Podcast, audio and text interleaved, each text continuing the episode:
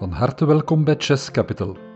U luistert naar de Nederlandstalige podcast over waardebeleggen.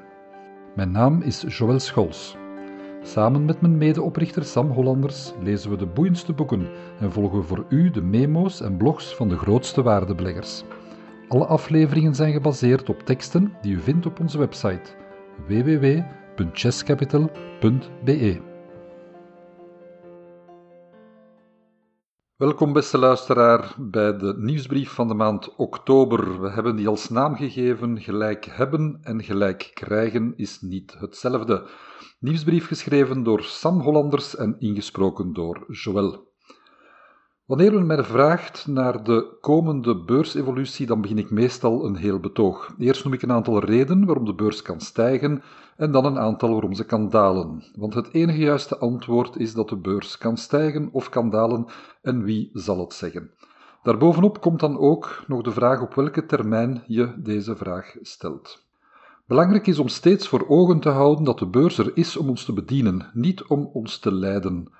De beurs is een mogelijkheid om dagelijks in aandelen, dus deeltjes van bedrijven, te kunnen handelen. Elke dag wordt er op de beurs een prijs op een aandeel gekleefd, maar op korte termijn hoeft dat helemaal niets te maken hebben met de onderliggende waarde van deze aandelen. Het stijgen en dalen van aandelenkoersen op korte termijn is gewoon een eigenschap van de beurs en biedt ons als beleggers ook kansen. Tenminste, als we de echte waarde kennen van de aandelen. Als we weten dat een aandeel van 10 euro, als we dat gekocht hebben aan 7 euro en daarna nog eens zakt naar 5 euro of zelfs 3, dat dan helemaal niet zo erg hoeft te zijn. Zolang dat aandeel 10 euro waard blijft, geeft ons dat enkel meer kansen om goedkoop bij te kopen. Het enige waar we ons wel steeds opnieuw moeten van vergewissen, is dat het aandeel wel degelijk 10 euro waard is. En we moeten toegeven, het is niet makkelijk om rationeel te blijven wanneer de koers 30% of meer zakt, zelfs al ben je jaren actief op de beurs. Misschien weten de andere beleggers meer. Of was die waarde van 10 euro nooit echt 10 euro, maar misschien maar 3 en hebben we ons helemaal vergist. Allerlei vragen spoken dan door je hoofd. Beleggen is dus een activiteit waarbij we ons IQ moeten gebruiken. Maar het belang van controle over je emoties, oftewel je EQ, is minstens even belangrijk. Wat het wel makkelijker maakt, is dat je als belegger zelf bepaalt in wat je wel en niet belegt. Je kan ervoor kiezen om sectoren waar je niet genoeg van kent, gewoon links te laten liggen. En dan zijn er nog genoeg aandelen om gespreid in te kunnen beleggen. Kortom, je kan door rationele keuzes op voorhand te maken, je het zelf heel eenvoudig maken, zeker op emotioneel vlak. Dat maakt het makkelijker om de beurs of de verpersoonlijking ervan, Mr. Market zoals we het noemen, te blijven bekijken als iemand die je bedient en niet als iemand die je leidt. Gekke markt. We kunnen vandaag echter wel spreken van een behoorlijke gekte in de markt, waar rationaliteit soms ver te zoeken is. Ik gebruik ook even een voorbeeld van de bekende waardebelegger Joel Greenblatt, die onlangs een interview gaf en het volgende vertelde. Als je in 2019 op de Amerikaanse beurs elk verlieslatend bedrijf zou gekocht hebben met een marktkapitalisatie hoger dan 1 miljard, dan zijn dat 261 bedrijven. En dan zou je vandaag een rendement hebben van 65%. Jawel, 65%. En u kan zich wel voorstellen dat indien ze in 2019 geen winst maakten, het dan ook in dit speciale 2020 jaar veilig is om te stellen dat ze ook dit jaar geen winst zullen maken.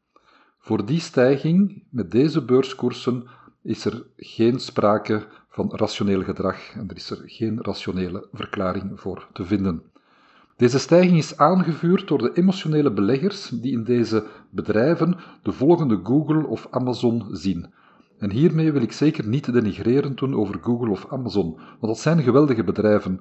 Of hun waardering vandaag nog rechtvaardigd is, dat is een hele andere discussie. Nog een voorbeeld van deze gekke markt is dat nu zelfs Italië aan een negatieve rente geld heeft kunnen ophalen. Het was al belachelijk dat België dit kon doen, maar nu ook Italië. Daar is de begrotingsdiscipline nog een vreemder woord dan in België. En ook als particuliere belegger beginnen we steeds meer druk te voelen op de cash op onze rekeningen. Bij broekers worden al negatieve rentes doorgerekend en bij private banken ook op de grote bedragen. Is dat de schuld van de lage rente? Ondanks dat in maart een klap aan de economie werd uitgedeeld, die we behalve bij een wereldoorlog nog nooit gezien hebben, steeg de beurs in de maanden daarop ook sneller dan ooit na zo'n forse daling. We kunnen dan wijzen naar de legioenen nieuwe beleggers, en ik gebruik de term beleggers heel losjes, die naar de beurs zijn gekomen. We kunnen ook denken dat de economie niet zo'n forse klap heeft gekend en dat dankzij de forse stimuli die werden gelanceerd het snel terug business as usual zal zijn. Maar net als Howard Marks van Oaktree Capital deel ik de mening dat we de reden van de hoge prijzen op de beurs, wat nu al enkele jaren aan de gang is, moeten toewijzen aan de lage rente. Lage rente stimuleren om geld uit te geven.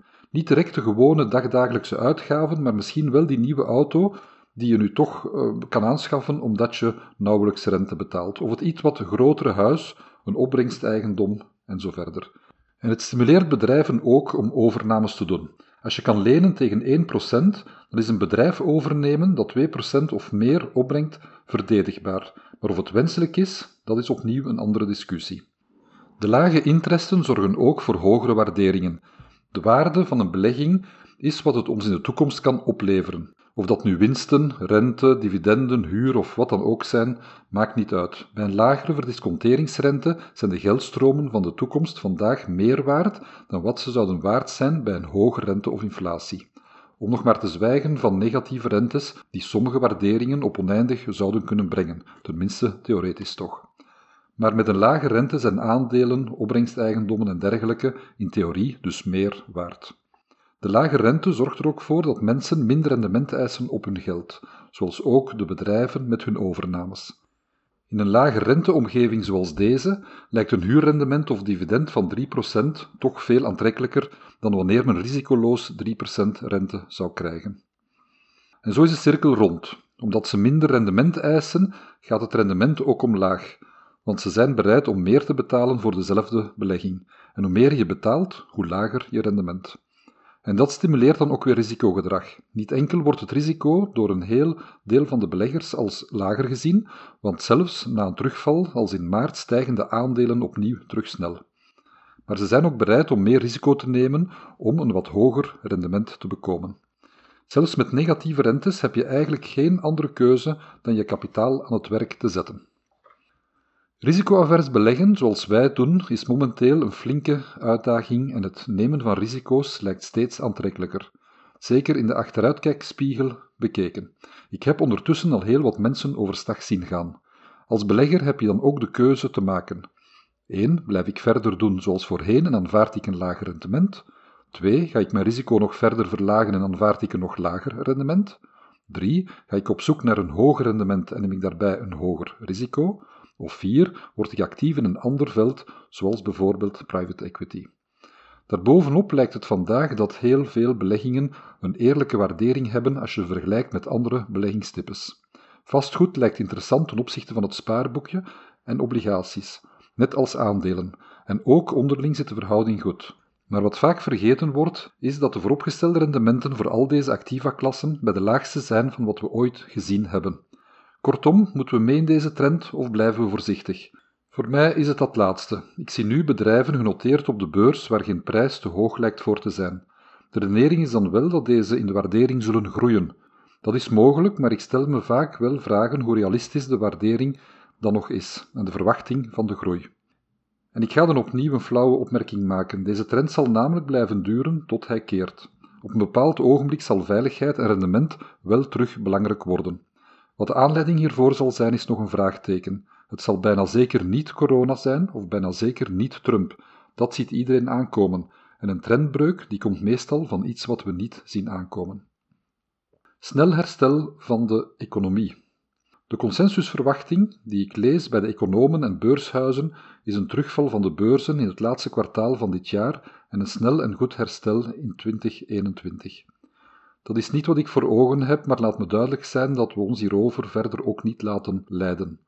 Wat de markt doet, is niet belangrijk voor ons. Hoe onze bedrijven presteren, is dan wel terug uiterst belangrijk.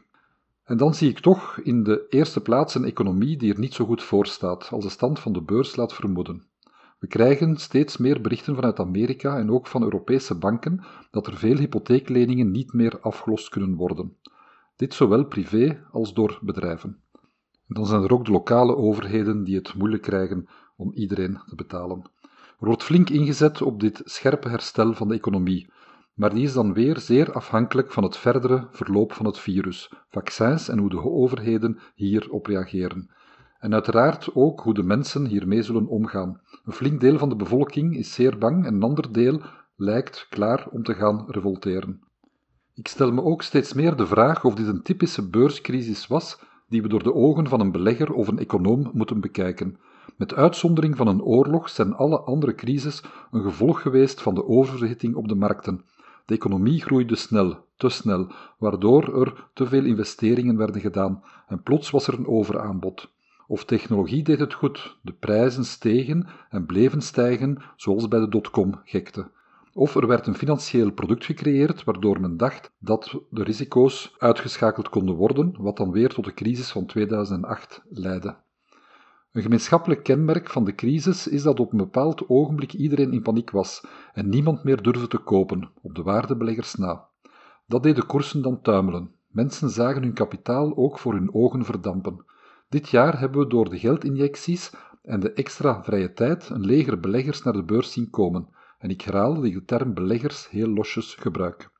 Daarom trek ik de conclusie dat het kwaad op de beurs niet komt van het virus, maar wel van de lage rente. Het effect op de echte economie is echter andersom. De vraag is nu wanneer deze terug in lijn gaan komen met elkaar. De kansen zijn niet in het voordeel van de beleggers. Voorlopig ziet er in elk geval niet naar uit dat de kansen, vanwege de dalende rendementen, in het voordeel zijn van de beleggers. De kans op negatieve verrassingen is groter dan de kans op positieve verrassingen. Door de lage rente lijkt het ook niet extreem gesteld te zijn met de waarderingen maar er is momenteel ook niet veel te vinden van aandelen waar we het warm van krijgen. Daarbij komt ook nog de factor dat bedrijven waar wel kansen in te vinden zijn, vandaag niet populair zijn. Er is dan ook een verschil tussen gelijk hebben en gelijk krijgen. Zelfs wanneer we gelijk hebben dat een aandeel ondergewaardeerd is, wil dat nog niet zeggen dat op afzienbare termijn de koers dan ook zal stijgen tot deze waarde. Je hebt de tijd van wachten nodig, en daarom heeft in onze ogen ook weinig zin om te proberen aandelen te vinden die 15 of pakweg 20% opwaarts potentieel hebben. Wat als je misrekend hebt, of als het vijf jaar duurt om gelijk te krijgen, ook dan is je rendement laag. Geef ons daarom maar de grote onderwaarderingen, waar we zelfs van verwachten dat dit nog lang kan duren en op de korte termijn zelfs tegen ons kan werken. Zolang de waarde niet daalt en enkel de beurskoers, dan is het goed.